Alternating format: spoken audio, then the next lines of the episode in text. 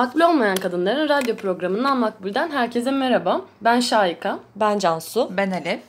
Bu haftaki programımızda 3 kişiyiz. Ferda katılamasa da programın hazırlama sürecinde tabii ki yine Makbul'leydi. Bayram dolayısıyla 3 hafta ara verdikten sonra bu hafta 1917 Ekim devrimine anlatıldığında isminin daha fazla duyulmasını hak eden Alexandra Kolontay'dan bahsedeceğiz. Devrim öncesinde ve sürecinde etkin rol almış, Sovyetler Birliği'nde önemli çalışmaları olmuş, kadınların problemlerine ve haklarına dair kendi yoldaşları tarafından bile ciddiye alınmama eğilimi görse bile yine de sesini yükseltmekten çekinmemiş ve somut çözümler ortaya koymuş. İnandığı mücadelesini her şeyin önünde tutmuş bir kadın Alexandra Kolontay. Bu program boyunca e, başvurduğumuz kaynaklar Çatlak Zemin, e, Alexandra Kolontay'ın kendi kitabı Özgür Bir e, Kadın Komünistin Biyografisi, yine kendi kitabı Kızıl Aşk, Gene kendi kitabı Bir Büyük Aşk. E, gene kendi kitabı Kadınların Özgürlüğü. Alexandra Mihailovna Kolontay, devrimci, diplomat, edebiyatçı, kadın hakları savunucusu, cinsel reformcu ve e, Sovyetler Birliği'nin ilk kadın bakanı. E, 31 Mart 1872'de St. Petersburg'da doğuyor. Petersburg o dönemin Rus Çarlığı'nın başkenti. Ailesi Rusya'nın büyük toprak sahiplerinden. Özel hocalardan evde iyi bir eğitim alıyor ve e, birden fazla yabancı dil biliyor. Ebeveynleri sürekli Alexandra'nın sağlığı konusunda endişe duyuyor. E, birkaç saat, dahi diğer çocuklar gibi dışarıda vakit geçirmesini istemiyorlar. O sebeple de evde eğitim aldırıyorlar. E, daha çocukken adaletsizlikleri gözlemleyebiliyor Kolontay ve bunları eleştiriyor. Ee, kendisine her şeyin verilmesinin yanında diğer çocukların bu kadar her şeyden yoksun olmalarını çelişki olarak gördüğünü yazıyor. Ee, ve e, evde savurganlık yoktu ancak özveride bulunmanın ne demek olduğunu hiç bilmiyordum diyor otobiyografisinde de. Eğitimine devam etmek istiyor ancak annesi e, öğret eğitim hayatına devam etmesinin gerekli olmadığını, gençlerin lisede radikal fikirlerle tanıştığını ileri sürerek buna izin vermiyor. Fakat yine de evde e, bir öğretmenden e, ders alıyor. Rusya'nın devrimci kesimleriyle bağlantısı olan yetenekli, akıllı bir öğretmen olarak e, tarif ediyor bu öğretmeni. E, ismi de Maria Strachova bu öğretmenin ve ona çok şey borçlu olduğunu söylüyor.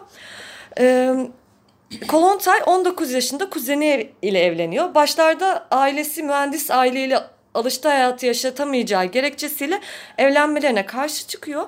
Ancak Alexandra ailesine karşı çıkıyor ve evleniyorlar. Bir yıl sonra da bir oğulları oluyor.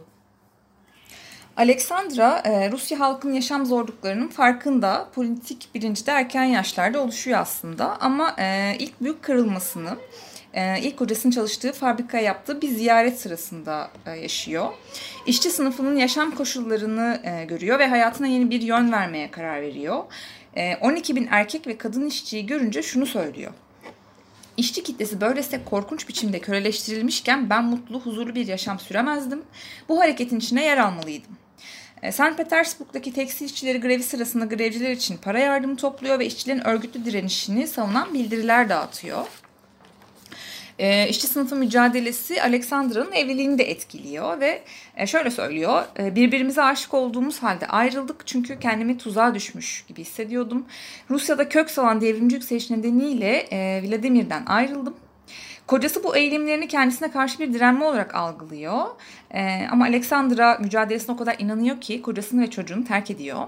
Sonra çocuğunu yanına aldığı zamanlar oluyor. Ee, ama anneliği konusunda şunları söylüyor. Çocuğumu büyük bir özenle kendim yetiştirmiş olmama rağmen annelik hiçbir zaman varoluşumun ağırlık merkezi olmadı. Eşimi hala seviyordum ancak bir ev kadını ve eşin mutlu varlığı bana kafes gibi geliyordu. Ee, çok radikal söylemler gerçekten. Hatta şu an için bile çok radikal evet, söylemler. Evet. O zaman için e, düşünemiyorum bile gerçekten. Mücadelesine inanmış bir kadın var gerçekten karşımızda. Evet. Ee, bu girişten sonra bir şarkı çalalım isterseniz. Ee, Maya Kristalinskaya'dan I'll Wait For You'yu çalıyoruz. Genelde Rusça şarkılar seçmeyi e, çalıştık bu programımızda da.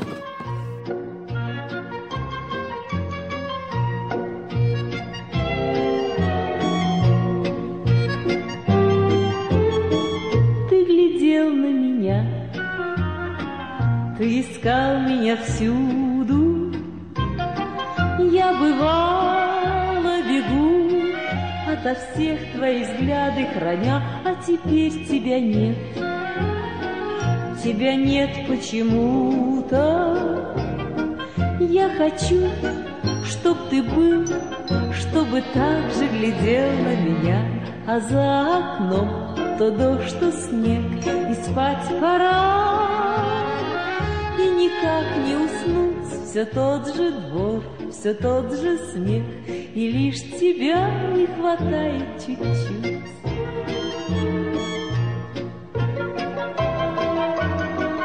Я иду без тебя переулком знакомым. Я спешу не с тобой, не с тобой, а с Наташкой в кино, а тебе шлет привет. Окна тихого дома, да еще старики, что все так же стучат домино, а за окном то дождь, то снег, и спать пора. И никак не уснуть, все тот же двор, все тот же смех, и лишь тебя не хватает чуть-чуть.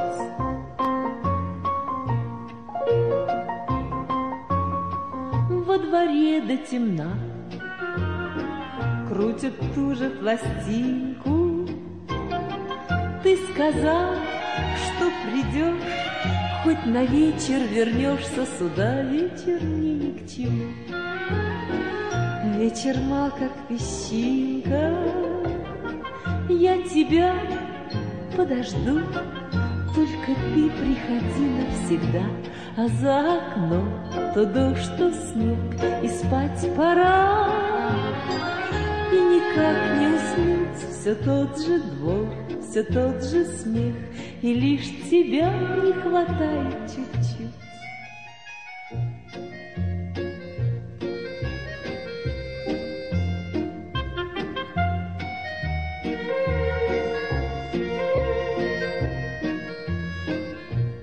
За окном то дождь, то снег, и спать пора.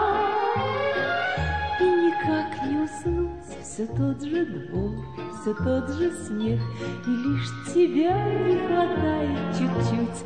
Ля-ля-ля-ля-ля, ля-ля-ля-ля-ля, ля-ля-ля-ля.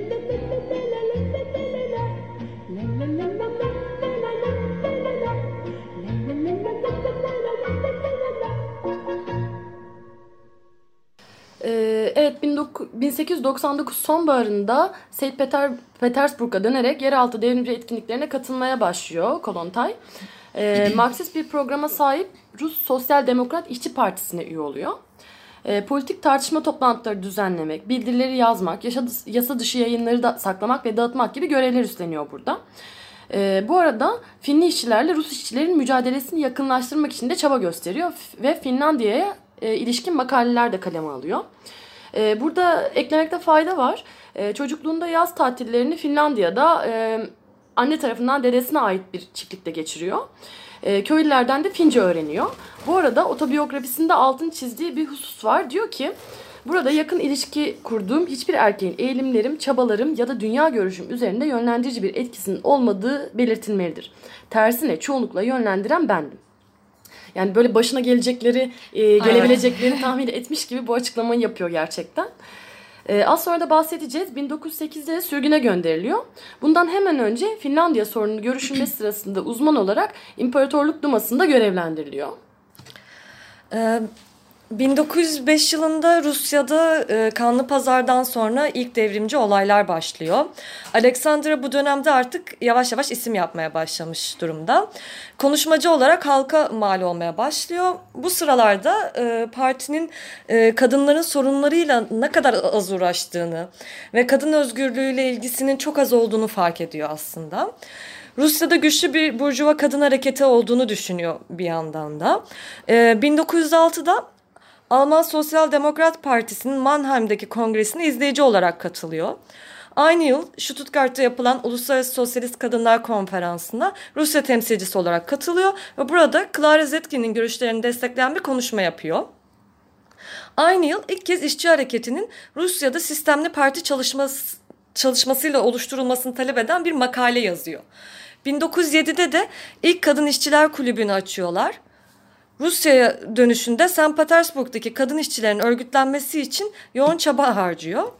Bir yandan da kadının e, sorununun toplumsal temelleri kitabı üzerinde çalışıyor. e, Kolontar bu, bu çalışmasında e, mevcut sınıflı toplum düzeninin sınırları içerisinde mülkiyet, eğitim ve oy hakkı eşitliği talep, talep eden feministleri eleştiriyor. Hatta burjuva eğilimli feministlere ve sufrajetlere karşı mücadele ettiğini de e, belirtiyor. Alexandra'ya göre e, kadınlar gerçekten özgür ve eşit bir duruma ancak dönüştürülmüş ve yeni toplumsal ekonomik üzer, e, ekonomik ülkeler üzerine kurulmuş bir dünyada kavuşabilirler diyor. Ya aslında bu konuya belki biraz daha detaylı girmekte fayda var. Ee, Alexandra'nın kendi yazdığı kitabında Kadınların Özgürlüğü kitabında e, bazı e, politik tavırlarından bahsediyor.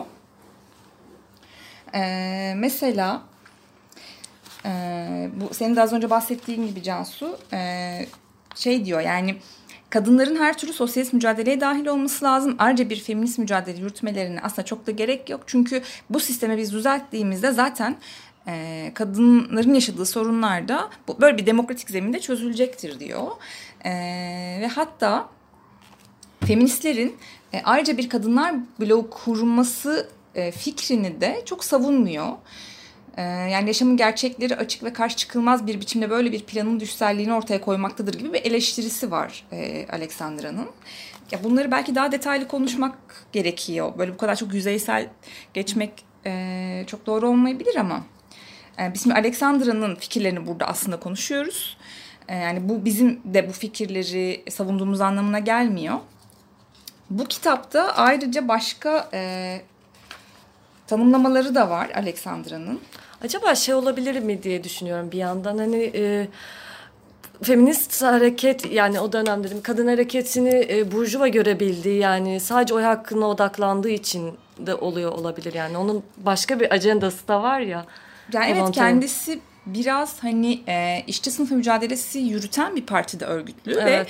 ve e, örgütün lideri konumunda böyle erkekler var ve bu erkeklerin zaten yanında sesini çıkarmaya çalışan bir kadın olarak çok da e, kendisini aslında sürekli otosansüre e, maruz da bırakıyor olabilir bir yandan. Hı. Bir yandan şey de göstermeye çalışıyor olabilir hani ben de sizin kadar en az sizin kadar sınıf mücadelesini biliyorum ve hani burada yer alıyorum gibi bir kaygı da olabilir. Evet. Hani onu o da kadar, tabii bilmiyoruz. O kadar erkek bir ortamda buna evrilmiş, evrilmiş de olabilir, olabilir gerçekten düşünceleri. Çünkü mesela şöyle bir ayrım da var. Az önce e, bahsettik annelikle ilgili söylediklerini. Hani mücadelesinin yanında annelik daha geri planda kalan bir görev aslında. Ama mesela bu kitapta yani Kadınların Özgürlüğü kitabında şöyle bir e, açıklaması var. Ee, işte Sovyet hükümeti dünyada anneliği kadının toplumsal bir görevi olarak resmen ve yasal biçimde kabul eden ve bir işçi cumhuriyetinde kadınların her zaman çocuk doğurmak ve yetiştirmeyi topluma karşı bir sorumluluk olarak yerine getirdikleri e, temeline dayanan yasalar yapmış. İlk hükümettir diyor. E, yani bu bakış açısını savunuyor. E, hatta e, işte yani ülkenin askeri gücünün iyi olmasının sağlıklı ve güçlü erkek nüfusunun sürekli artışına bağlıyor aslında iki çelişkili durum var. Hı hı. Ee, hani kitabında böyle yazmış ama mücadelesi boyunca anneliği her zaman geri planda bırakmış. Ee, çok devrimci bir kadın görüyoruz. Daha detaylı konuşuruz belki ilerleyen zamanlarda ama bu e, bu kitapla biraz şey var. Bu kitapla ilgili kafamızda bazı soru işaretleri oldu açıkçası. Biz Alexandra'nın e, politik çalışmalarına devam edelim şimdilik. Ee, Alexandra 1908 yılının Aralık ayında e, politik örgütlenme çalışmaları yüzünden tutuklanıyor. Bu sebep e, tutuklanmamak için daha doğrusu yurt kaçmak zorunda kalıyor. Böylece hayatının e, 1917'ye kadar sürecek olan e, kısmına kadar sürgün dönemi başlıyor. E, bu dönemde önce Almanya'ya yerleşiyor. Ama tabii sürgün döneminde mücadelesini bırakmıyor. Her gittiği yerde bir şekilde örgütlenmesine devam ediyor. Almanya'da Alman Sosyal Demokrat Partisi'ne üye oluyor.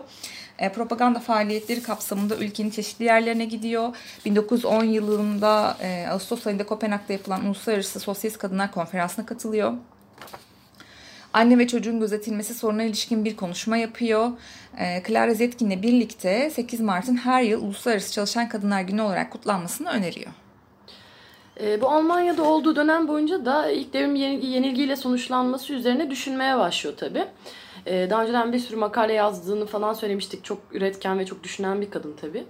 E, Kollontaj'ın biyografisini yazan, işçi arıların aşkı ve bir büyük aşk kitaplarını Rusçadan İngilizceye çeviren Kit Porter e, aktarıyor. Ve şu sonuca varıyor. Oradan mücadeleden uzakta, yer altındaki politik mücadelenin insanların bilincini nasıl böldüğünü ve kolektifin erdemli hayatıyla bireyselliği, bireysel hayatın bencilliği arasında sahte ikili, ikicilik yarattığını görmeye başlıyor. İkisi arasındaki karşılıklı bağımlılığı anla, e, anlamıştır. Sosyal değişim inan, insanın ruhundan başlamalıdır. Geleceğin harika sosyalist kolektif hayatına ilişkin konuşmalar eğer o toplumun tutkudan ve karmaşıklıktan yoksun ruhsuz bireylerden ibaretse hiçbir değer taşımayacaktır diye bir e, sonuca varıyor. Evet. E, Kate'in As- ayrıca... Aslında böyle motomot bir toplum olmaması için bireye yönelik çok e, kafa açıcı yorumlar o dönem için baktığında. Evet, herkesin Hem sosyalist. aynı olmamasını Evet. savunuyor aslında. E, Kate'in Kolonta için e, söylediği bir başka şey de şu. E, kolektifin Rusya'dan daha az geliştiği, bireye e, çok daha fazla değer verilen Batı'da e, 8 yıl sürgün olarak yaşadıktan sonra Kolontay Rus devrimci hareketinin ihtilalci amaçlarını bu devrimi yapan kadınların ve erkeklerin daha kişisel arzularını da kapsayacak şekilde genişletilmesi gerektiğini yüreklilikle savunmaya başladı diyor. Mesela bu tespit benim biraz e, böyle enteresan geldi bana. Çünkü şey diyor yani Rusya'da kolektivizm ya partinin e, yarattığı kolektivizm o kadar fazlaydı ki insanların kendi hayatları biraz daha geri plandaydı. Ben buradan onu çıkartıyorum. Biraz daha sanki böyle insanların kendi hayatlarına dair bir şey olması, biraz daha özgür alanların olması gerektiğini düşünmeye başlamış mesela Alexandra sanırım. Evet bu e, sürgün hayatına devam e, edeceğiz. Fakat ondan önce bir şarkı girelim bence. Ne dinliyoruz? E, Anna Herman Hope My Heart Compass dinliyoruz.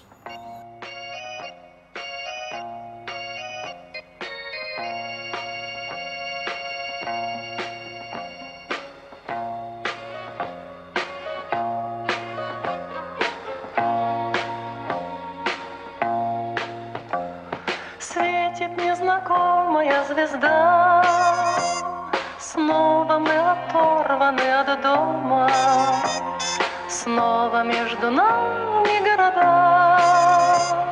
Взлетные огни аэродрома. Здесь у нас туманы и дожди. Здесь у нас холодные рассветы.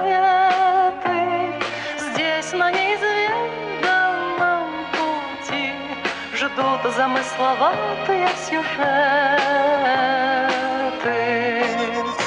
Надежда, мой компас земной А удача — награда за смелость. А песни довольно одной Чтоб только о доме в ней пелось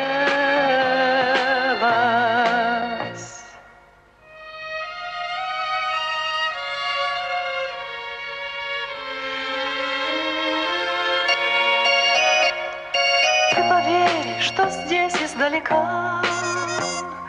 Многое теряется из виду. Тают грозовые облака.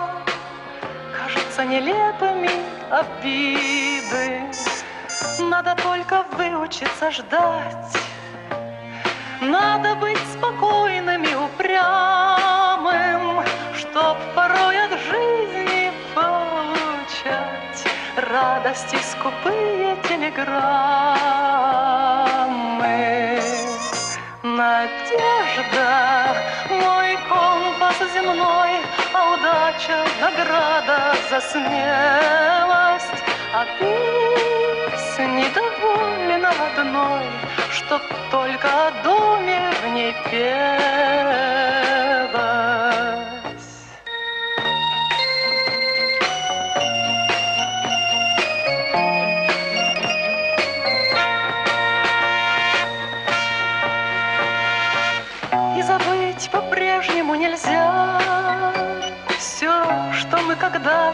не допели Милые усталые глаза.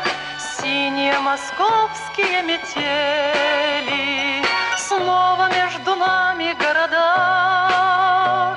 Жизнь нас разлучает, как и прежде.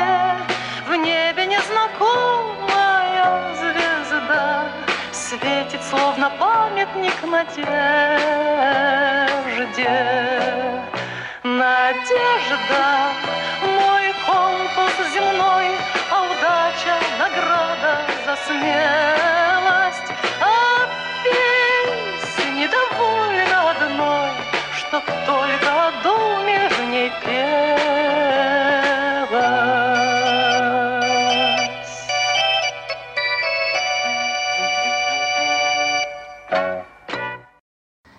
Anna Herman'dan Hope My Heart Compass dinledik. Ee, tabii bu bulduğumuz şarkılar hep Kiri alfabesindeydi. Ee, ama biz bunları İngilizceye çevirdik çünkü onları okuyamıyoruz. Ee, o yüzden yanlışımız varsa şimdiden affola. Evet, Kolontay'la devam ediyoruz şimdi. Ee, 1911'de e, Berlin'den Paris'e taşınıyor Kolontay. Fransa'nın güneyinde kocaları işçi olan ev kadınlarıyla birlikte hayat pahalılığını protestoya yönelik bir grev örgütlüyor. Meydanlarda, lokantalarda, pazar yerlerinde konuşmalar yapıyor. Ayrıca e, Danimarka, İsveç ve İngiltere'de e, aile, analığın korunması gibi konularda konferanslar veriyor. Ee, İngiltere, Fransa ve İskandinav ülkelerinde de bu sorunu in- inceleyerek 600 sayfalık annelik ve toplum kitabını e, çıkarıyor. Rusya'daki e, kadın işçi hareketinin canlanması için e, çağrı niyetinde olan bir kitap yazıyor. E, bunun ismi de e, Kadının Sorununun Toplumsal Temeli. E, sürgündeyken mektuplaşma yoluyla partililer ve kadın işçileri bu konuda etkilemeye çalışıyor.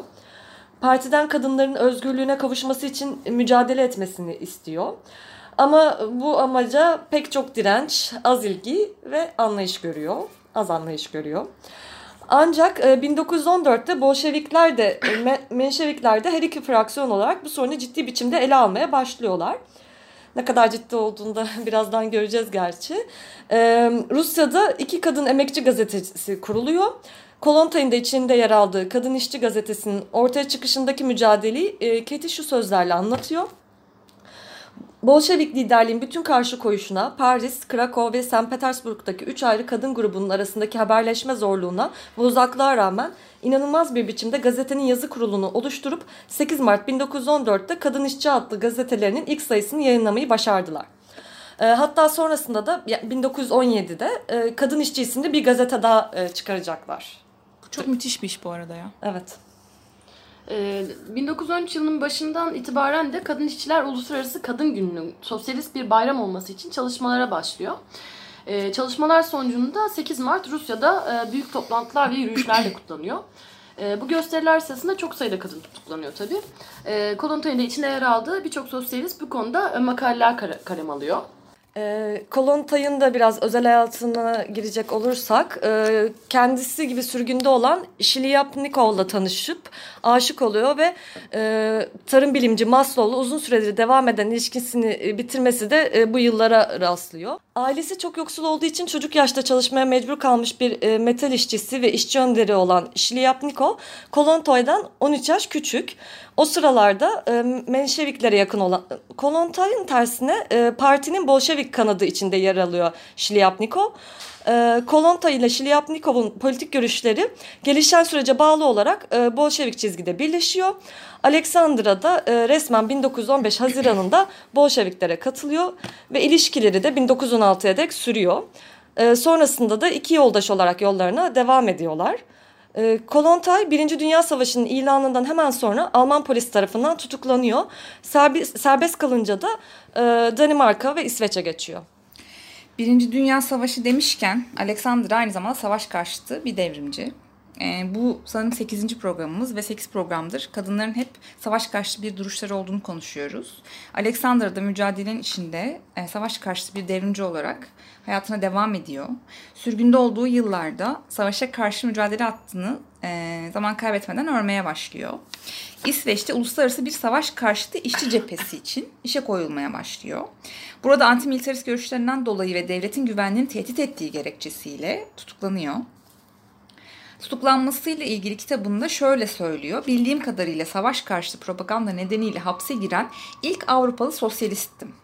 E, ya Alexandra'nın bu e, kendi yani mücadeledeki bu kendi varlığını sürekli altın çizme e, ihtiyacı beni çok mutlu etti. Yani sürekli yani ilk Avrupalı sosyalistim hapse giren diyor. İşte benim politik duruşumda erkeklerin herhangi bir yönlendirmesi yoktu diyor. Yani belli ki zamanda çok problemler yaşamış. Buraların altını sıkça çizmek gereği hissetmiş. Biz de o yüzden bunları burada sesli söyleyelim.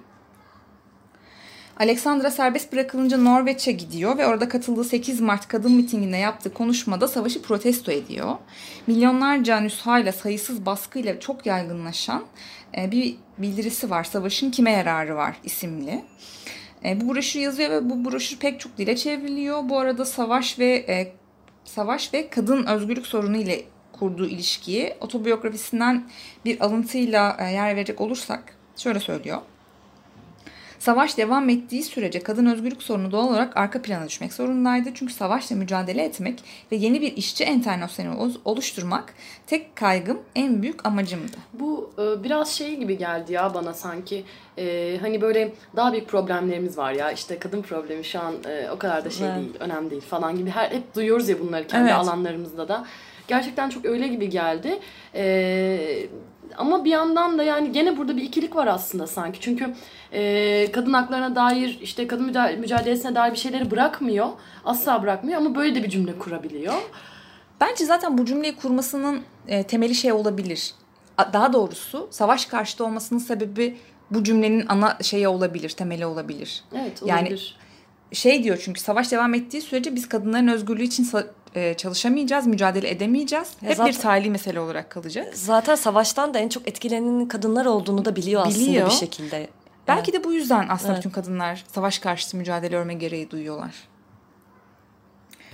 Ee, tabii bu sıralarda bu emperyalist savaşın devrimci bir savaşa dönüştürülebileceğini savunan Lenin'le düzenli olarak mektuplaşıyormuş Alexandra.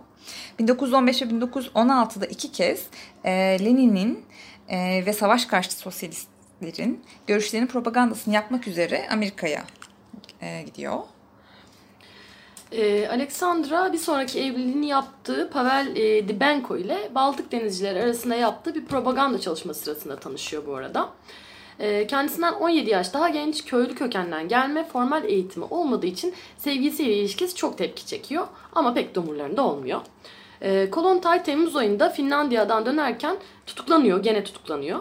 E, tutuklu olduğu sırada Petrograd Sovyeti'ne ve Bolşevik Parti'nin merkez komitesine seçiliyor. Serbest kalınca ilk kadın içler konferansının toplama çalışmalarına da başlıyor aynı zamanda. Evet. E, o zaman üçüncü şarkımıza geçelim. E, Veronica Kuruglav'dan I See Nothing dinliyoruz.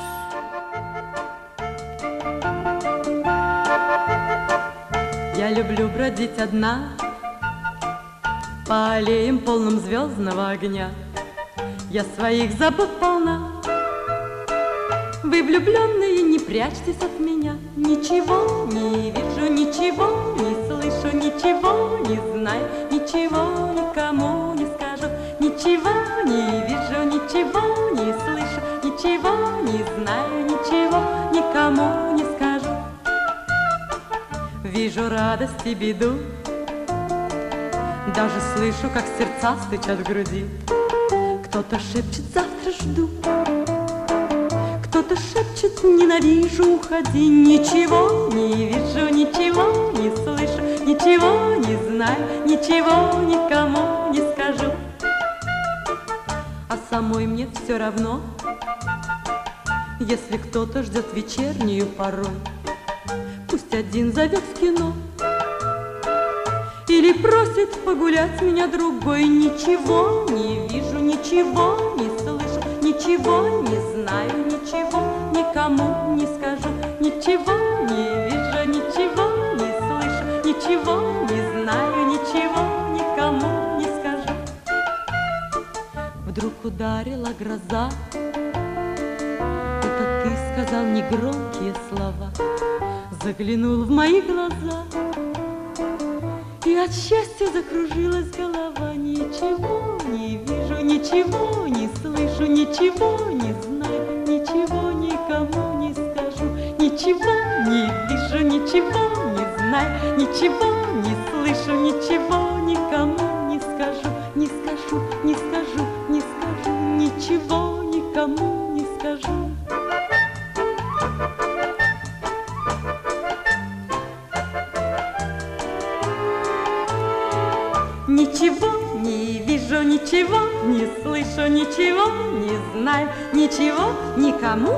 Yavrum.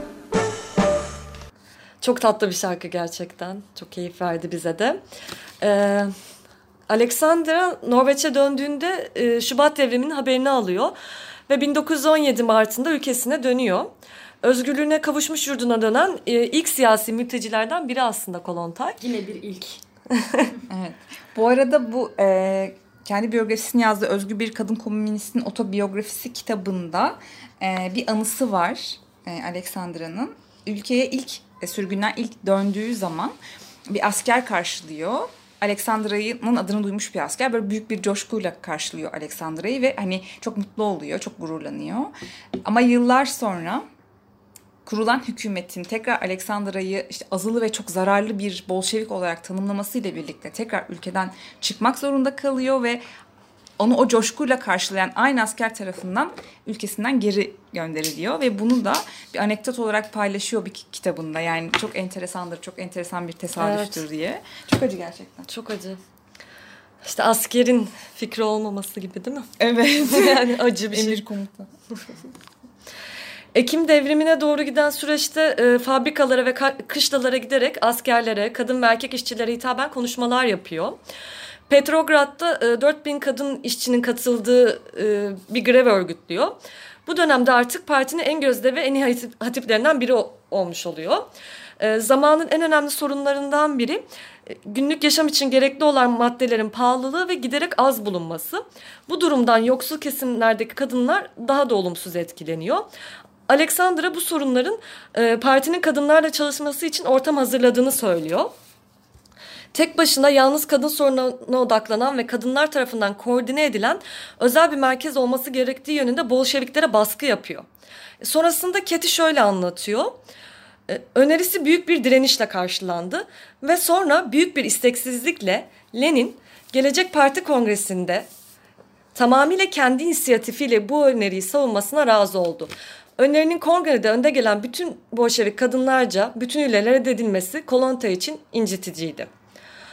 Ancak Kolontay yılmıyor. 1918 Kasım ayında e, Kolontay'ın da organizasyonda yer aldığı kadın kongresi düzenleniyor. Kongreye ülkenin dört bin yanından kadınlar katılıyor ve bu kadınlar savaş bölgeleri hala hala hazırda savaş olan bölgeleri de aşarak büyük bir katılım göstererek büyük bir katılım gösteriyorlar. En sonunda da her parti örgütünün e, kadın komisyonu kurması gerektiğini ve bu komisyonların Kolontay'ın da içinde yer aldığı üç kadın tarafından denetlenmesine karar veriliyor. E, Bu komisyonlarda 1919'da parti kadın kolları haline dönüşecek olan komisyonlar aslında. 24 Ekim'i 25'e bağlayan gece Ekim devrimini yöneten e, Simone En- Enstitüsü'ndeki Bolşevikler arasında Alexander da vardı. Devrimden sonra Sosyal Yardım Halk Komiserliğine yani bakanlığına getiriliyor. Bu görevde 1917 Ekim'inden 1918 Mart'ına kadar kalıyor. E, Bakanlar Kurulu'ndaki tek kadın ve hükümet üyeliğine seçilen tarihteki ilk kadın Alexandra. Ee, Alexandra'nın öneri ve katkılarıyla kadınlara yasal eşitlik, eğitim ve e, oy hakkı tanıyan bir dizi yasal düzenleme yapılıyor. Evlilik kilisede takdis edilen hayat boyu süren bir ilişki olmaktan çıkarılıyor. Annelik izinleri uzatılıyor. E, meşru ve gayrimeşru çocuk ayrımı kaldırılıyor. Tabii ki bu kazanımlar ömür boyu sürmüyor. Bunu zaten daha önceki programımızda bahsetmiştik. Ee, evet daha sonra da e, 1918 yıllarında da hükümetten ayrılıyor. Bu ayrılmasının esas nedeni Lenin'le anlaşmazlığa düşmüş olması. Ee, sonrasında kendisine verilen diplomatik görevler de aslında Kolontay'ın politik sürgüne gönderilmesi olarak görülüyor. Ee, 1923 yılında Norveç elçiliğine atanıyor. İlk kez bir kadın elçilik görevine atandığı için ülkede sansasyon yaratıyor. Ee, muhafazakar basın Alexandra'yı ahlaksızlık simgesi olarak gösteriyor. Ayrıca kadınları aktif şekilde politikaya katabilmek için kadınların parti içerisinde ayrı olarak örgütlendikleri e, 1930'da kapatılacak olan Jenotter örgütü kuruluyor. E, Alexandra devrim sonrası bir şey inşa etme sürecinin çok önemli olduğunu düşünüyor. Bunlar için işçiler, memurlar, doktorlar, hukukçular ve pedagoglar gibi uzmanlardan oluşan bir kurul oluşturuyor. En önemli reformların şunlar olduğunu da ifade ediyor kendisi. Savaş sakatlarının durumunu düzeltmek, kız okullarından din dersini kaldırmak, papazları sivil, sivil görevlere aktarmak, kız okullarına kendi öğrencilerin kendilerini yönetme hakkını yer- yerleştirmek, yetimhanelere devlet yetiştirme yurtları biçiminde yeniden örgütlemek, Ebeve burada da ebeveyni olan çocuklarla hala annesi ve babası olanlar hakkında hiçbir ayrım yapılmayacağını da belirtiyor. Ee, yoksullar ve sokak çocukları için ilk barındırma yurtlarını kurmak, ülke çapında parasız sanatoryum sistemini düzenleyecek özel yalnızca doktorlardan oluşan bir komite toparlamak ve en önemlisi olarak nitelendirdiği anne ve süt çocuğu koruma merkezlerinin yasal olarak kuruluşu gibi işler yapıyorlar. Daha önce de belirttiğimiz gibi Kolontay'ın parti yönetimiyle bazı konularda e, anlaşmazlığa düştüğü oluyor. E, Brest-Litovsk Brest-Litovsk Barış Anlaşması'na karşı olduğu için ki bunun nedenini anlaşmanın Finlandiya işçi sınıfının gerici güçlere terk etme sonucu doğurması e, Alexandra'nın böyle düşünmesi. Halk komiserliği görevinden çekilerek e, propaganda çalışmaları için Ukrayna'ya gidiyor. Harkov'daki kadın işçileri örgütlüyor. 1921'de toplanan 10. Parti Kongresi'nde Aleksandra ve e, Şilyapnikov'un başını çektiği işçi muhalefeti grubu Sovyet devletinin giderek bürokratikleşme sürecine girdiği tespitinde bulunuyor. E, aslında Bolşevikler de bu görüş paylaşıyor fakat bürokratikleşmenin Rusya'nın yoksulluğundan ve kültür eksikliğinden kaynaklandığını düşünüyorlar. E, bu yüzden bu eleştiri sanırım çok ciddiye alınmıyor. Kolonta ise düşünce özgürlüğü yanlısı olarak işçi sınıfına inisiyatif verilmesini savunuyor ve eleştiriden korkuyoruz ve kitlelere artık güvenimiz kalmadı diyor. 1921'de oluşan işçi muhalefetine destek oluyor. Ee, bir yandan da e, yeni ekonomi politikayı eleştiriyor. Yeni ekonomi politik e, sonrası yazılarında özellikle kreş sayılarındaki azalma ve kadın işsizliğinin kadın ekonomik bağımlılığa ve eve mahkum ettiği üzerine duruyor. Bir yandan da devrim, cinsellik ve özgür aşk üzerine yazdığı yazılar e, cinsel püritenizmin nüfus ettiği parti büyüklerince hedef tahtasına oturtulmasına neden oluyor ve yazıları rezalet olarak değerlendiriliyor. E, Burjuva ve yozlaşmış olmakla suçlanıyor Alexandra. Suçlayacak yer arıyorlar zaten kadın olduğu için. Sonrasında e, Norveç Büyükelçiliğine önce ticaret ateşesi olarak ardından da büyükelçi olarak atanıyor.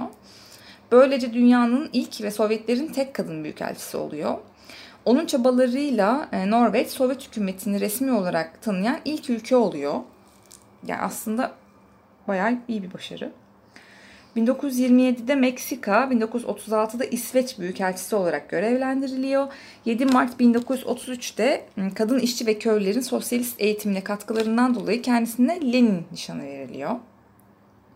1946 ve 52 yılları arasında e, Sovyetler Dışişleri Bakanlığı danışmanı olarak çalışıyor. 9 e, Mart 1952'de 80. E, doğum gününden kısa bir süre önce geçirdiği bir kalp krizi sonucunda hayata veda ediyor. Alexandra cinsel devrimi, devrimci cinselliği ve serbest aşkı e, kurguladığı romanlar yazıyor. Bunlardan biri İşçi Arıların Aşkı 1924'te yazmış. Bir diğeri de Bir Büyük Aşk. Onu da 1929'da yazmış sanırım.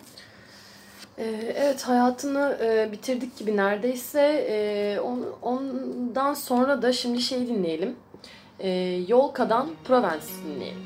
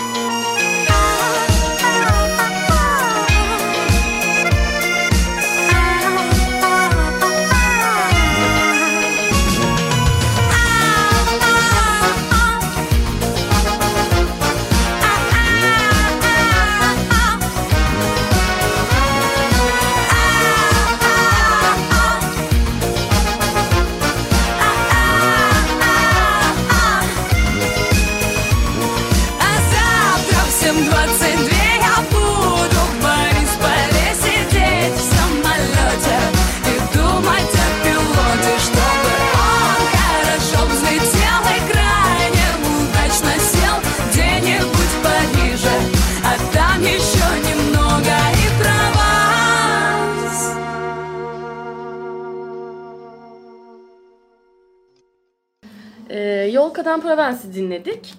E, bu e, program için aldığımız e, kaynaklardan e, bir tanesi olan kendi otobiyografisinde e, Kolontay'ın dipnotlar halinde çok fazla çizilmiş ve çıkarılmasını istediği ve değiştirdiği yer var. E, hatta kitabın sonunda bir de 26 Temmuz 1926'da e, yazdığı yayımcıya kendi e, ağzından yazdığı mektup da var. Bu mektupta diyor ki e, kitapta bu kadar değişiklik yapılmasını istediğini söylüyor ve e, bunlara dair korkuya kapılacaksınız diyor. E, bu koşullar altında kendisinin tırnak içinde resmi bir kişi olduğunu, değiştirilip ılımlı hale getirilmesi gerektiğini, başka türlüsünün kesinlikle olanaksız olduğunu söylüyor. Yeniden basım giderlerini de kendisini karşılayacağını belirtiyor ve başka çaresi olmadığını yazıyor. E, bu zorunlu gördüğü değişiklikler Sovyetlerdeki yaşamın Stalinist disipline sokulmasını e, belgeleyen kısaltma ve değişiklikler olarak okunuyor. E, Isadora Duncan'ı konuştuğumuz dördüncü programımızda Sovyetlerden ve sonrasında gelen kısıtlamalardan bahsetmiştik. E, orada da aktardığımız gibi Stalin'le birlikte gelen kısıtlamalar ve yasaklarla beraber Alexandra da otobiyografisinde otosansür uygulamak zorunda kalıyor. Ya aslında kafamızda Kolonta'ya dair oturmayan, e, çelişkili gelen birçok şeyi belki de bu otosansürle açıklayabiliriz. Evet, Yani tabii ki politik görüşlerine ilaveten. Evet. Az önce de biraz bahsetmeye çalıştığımız nokta aslında buydu. Yani hani annelikle ilgili bu çelişkiler aslında işte sürekli bir kadın gazetesi çıkarmaya çalışıyor, kadın komisyonları kurmaya çalışıyor ama bir yandan kitabında diyor ki hani ayrı bir örgütlenme olmamalı vesaire. Bunların hepsi tabii bir baskının sonucu da olabilir ya da e, bazı politik kırılmalar yaşamış olabilir. Hani mücadelenin son dönemlerinde bilemiyoruz. Aslında biz biraz e, edebi kişiliğine de bakmak istedik. Orada da bir büyük aşkta en azından e, gördüğümüzde e, bu ilişki birazcık daha şey oluyor. Yani daha özgür yazmış sanki. Hani kurgu olduğu için belki bir noktada. Romanlarını mı? Evet, yani romanlarında e, daha böyle e, net fikirleri var. Bu e, erkek iktidara dair sıkıntılarını bireyler üzerinden anlatabilir hale geliyor. Bir sistem problemi olmadığında o iktidarı üzerine alan erkekler üzerinden daha net anlatabilmiş sanki. Daha rahat bir alan olduğu için olabilir. Evet. Roman bir kurgu sonuçta diye hani. O yüzden biraz Bir Büyük Aşk kitabından e, bahsedelim istiyoruz. E, bu kitap bir romana celf örneği. Biz de bunun ne olduğunu bilmiyorduk. yani şuymuş aslında gerçek olayları ve kişileri kimlikleri gizli olarak anlatmakmış. E, bu anlatının e, Bir Büyük Aşk anlatısının gizlediği tarihi kişilikler e, yine Rusya'dan e, kadın ve işçi hakları için mücadele eden bir başka kadın Inasa Armand ve Lenin olduğu düşünülmekte Bir Büyük Aşk'ın e, karakterleri. Ines Armand, Natasha e, karakteriyle canlandırıldığı düşünülüyor. Nenin'e atfedilen Senya karakteri de zaman zaman Kolantay'ın aşkı Maslow'un da izleninin gördüğü bir birleşik karakter gibi okunabiliyor. E, hikayede de e, kadının duygu ve düşüncelerinin nasıl sıklıkla ikinci plana itildiğini, değersiz hissettirildiğini görüyoruz aslında. E, politik özne olarak yok sayılma hali, e, Kolontay'ın kendi kişisel e, deneyimleri ve hayal kırıklıkları ile ilgili olduğu kadar aslında e, romanın esin kaynağı olan Ines Armand ki kendisi de yakın oldukları düşünüyor. Yakın arkadaş oldukları ya da iletişimlerinin iyi oldukları düşünüyor. E, Inesa'dan edindiği bilgilerle de ilgili olması muhtemel e, diye düşünülüyor. E, Kitaptaki parti büyüyünce kadının politik kimliğinin özgünlüğü elinden alınıyor. Bir yandan da e, yeri doldurulabilir hissediliyor. Bir yandan e, politik kaygıları asla anlaşılmıyor. Bu kaygıları romantizmle karıştırılıyor.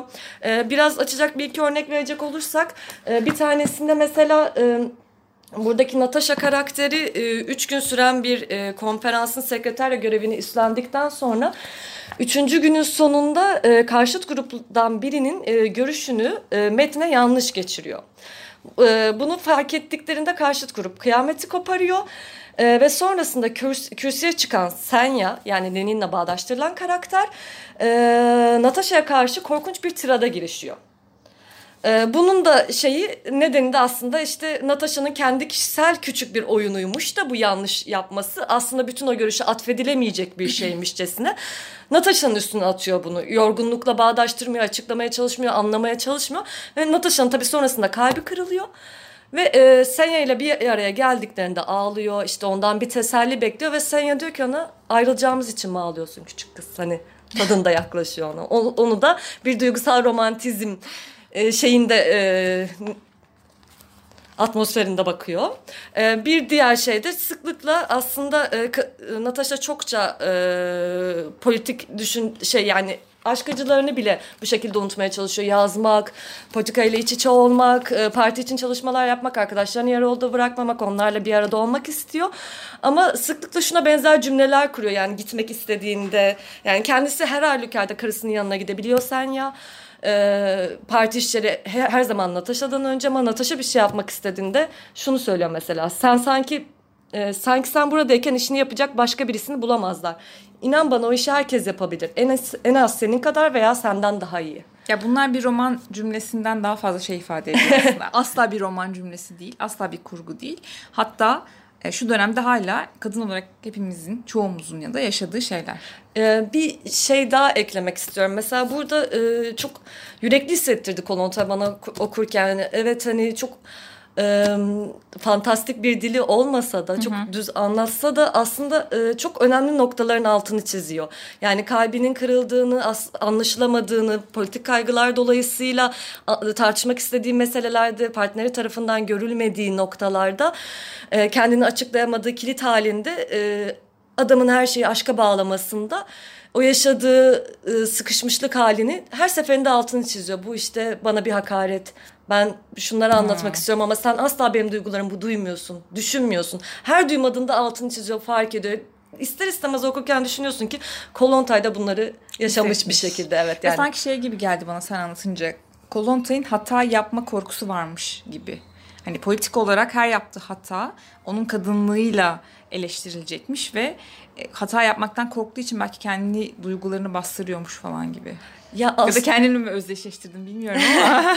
ya sıklıkla bir onay almak istiyor aslında. Evet. Yani çünkü e, fikirleri önemli. Başkalarının ağzından ondan daha az değerli olan fikirler duyulduğunda çok göklere çıkarılabilirken hani şeyde bahsetmiştik değil mi? Zabel'in e, bölümünde mi bahsetmiştik işte erkekler vasat bir yazar olabilir. Tabii tabii aynen. Ya bu sıklıkla bir böyle şeyde. vasat bir yazar kasa, olamaz. Kadın asla bir vasat bir yazar olamaz yani olamaz. olamıyor. Asla vasat bir politikacı olamaz. Aynen. Ee, Kızıl Aşk romanında da yani bir diğer e, romanında bu baktığımız e, Kızıl Aşk romanında da aslında çok benzer şeyler var bununla ilgili. E, işte mesela kadın duygu düşüncelerin nasıl sıklıkla ikinci plana atıldığı vesaire gibi şeyler. İşte kadının orada da işte karakter olan Vasya'nın nasıl işte erkeğim dediği kişiye karşı e, özveride bulunması gerektiği, işte e, tüm hayatın aslında ona adaması gerektiği e, gibi e, görüşler var. E, çevreden de karakter hep böyle bir baskı içinde kalıyor. Ama Vasya'da e, yani kitabın karakteri olan Vasya'da e, mücadelesini hep ön planda tutması e, tutmak isteyen ve tutması gerektiğini düşünen hatta mücadelesi olmadığında neşem de yok diye kendini e, anlatan bir karakter. E, Burada da aslında şey gibi yani e, bir büyük aşklık gibi sanki kendisini anlatmış gibi hissettim okurken. E, mesela şeydeki bu karakter Vasya'da e, işte Lenin'in Lenin hayranı oldu falan diye bir cümle geçiyor yani. O Lenin'in hayranı olmuş vesaire. Daha önceden de bahsetmiştik zaten az önce e, bürokrasiyi eleştirdiğini falan. E, kitapta da sık sık bürokrasiye yaptığı eleştiriler var. İşte orada e, Vasya'nın e, parti içerisinde işte e, karşılaştığı bürokrasik engeller vesaire bunların gereksiz ve adaletsiz olduğu e, yönüne e, eleştirileri falan var. E, ayrıca bence bu kitapta çok önemli olan bir şey daha var. E, mesela ev içi bakım emeği ve duygusal emek konularını bence çok güzel işlemiş. E, işte mesela e, sevgilisi kocası diye bahsediyor ama yasal değil, e, yasal kocası değil ki bunu onlar için problem değil. Ee, ev içi bakım emeği konusunda işte hasta oluyor adam. Ee, ona işte sonsuz bir bakım vermesi gerektiği, işte e, adam işten geliyor veya işte bir parti toplantısından bir şeyden geliyor ve böyle yemeğinin hazır edilmesi gerektiği falan böyle işte e, ve bunlar da hep kendini sorumlu gibi görüyor. Çünkü etraftan mesela evin başka bir hizmetçisi daha var ama evin hizmetçisi bile e, ona işte erkeğine iyi bakmalısın işte yoksa başkasına gider falan gibi alışıldık ve ki başkasına gitmiş zaten adam çoktan bu arada kitapta neyse onu da söylemeyin. Alert. Böyle yani aslında kitaplarında çok, e, romanlarında çok fazla kendini anlatıyormuş gibi bir izlenim var yani. Şey de olabilir mi bir yandan yani bu erkek dünyasında yer almaya çalışan e, kadınların or, bir nevi ortaklaştığı tecrübeler aslında. O, dön- o dönem ve o koşullar arasında belki hala, Hala bile öyle. ortaklaştığımız. Kayıt sonrası biraz galiba dertleşeceğiz gibi geliyor bana. Evet o zaman e, yavaştan haberler gözüme size çarpan çok kısıtlı haberlere geçebiliriz. Bu haberlerde de e, aldığımız, baktığımız, gözümüze çarpan yerler şunlar oldu. Eşitlikadaletkadın.org, bbc.com, e, diken.com.tr ve gazete.com.tr oldu. E, ilk e, haberimiz e, akademik akademideki cinsiyet eşitliği ama aslında bizce cinsiyet eşitsizliği raporu. Kadir Has Üniversitesi Toplumsal Cinsiyet ve Kadın Çalışmaları Araştırma Merkezi'nin Türkiye'de yüksek öğretimde cinsiyet eşitliği yani eşitsizliği raporuna göre e, 1984 ve 2018 yılları arası için Türkiye'deki üniversitelerde görev yapan profesörlerin %68.8'i erkek, %31'i kadınlardan oluşuyor. 2018 verileri ışığında Türkiye'de akademisyenlerin %61.8'i erkek, %32 38.2'si ise kadın. Bu oran devlet üniversitelerinde %63 erkek, %37 kadın, vakıf üniversitelerinde ise %57 erkek, %43 kadın olarak görünüyor. Bu durumda vakıf, vakıf üniversitelerinin devlet üniversitelerine göre cinsiyet eşitliği konusunda daha dengeli bir politika yürüttüğü gösteriyor. Ee, üst düzey kadrolarda cinsiyet eşitsizliği çok daha derin. Ee, üniversitelerin üst düzey yönetiminde ciddi bir cinsiyet eşitsizliği var. Rektörlerin sadece %9.1'i, rektör yardımcılarının %10.3'ü, dekanlar ise %21.3 kadın. Rapora göre e, toplumsal cinsiyet eşitliği en fazla araştırma görevlisi kadrolarına sağlanmış durumda. Ee, akademik ünvan e, yükseldikçe kadın erkek eşitliğinden uzaklaştığı da gö- göze çarpılıyor tabi. Ee, profesör kadrolarının %68.8'i erkek, %31.2'si kadın. Ee, profesör kadrolarındaki eşitsizlik üniversitelerdeki üst düzey yönetimdeki eşitsizliğe de zemin hazırlayan bir faktör oluyor tabi bu durumda.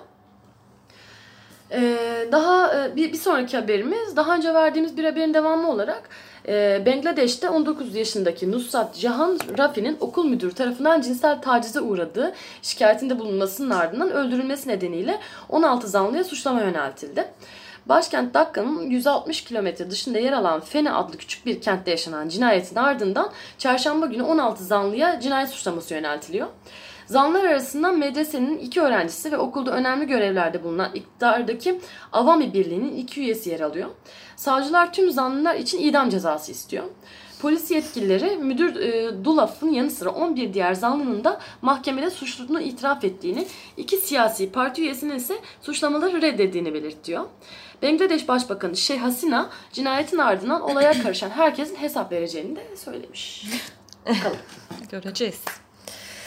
Ee, bir sonraki haberimiz NASA'dan. Ee, NASA bir açıklama yapıyor. Bu yaptığı açıklamaya göre tarihte ilk kez 4 bilim biriminin 3'ü kadınlar tarafından yönetiliyor. Ee, bu üç birim ve yöneticileri şöyle. NASA Heliofizik Bölümü Direktörü Nicola Fox, NASA Yer Bilimi Bölümü Direktörü Sandra Kaufman, e, NASA'nın Gezegenler Bilimi Bölümü Direktörü Lori Glazer.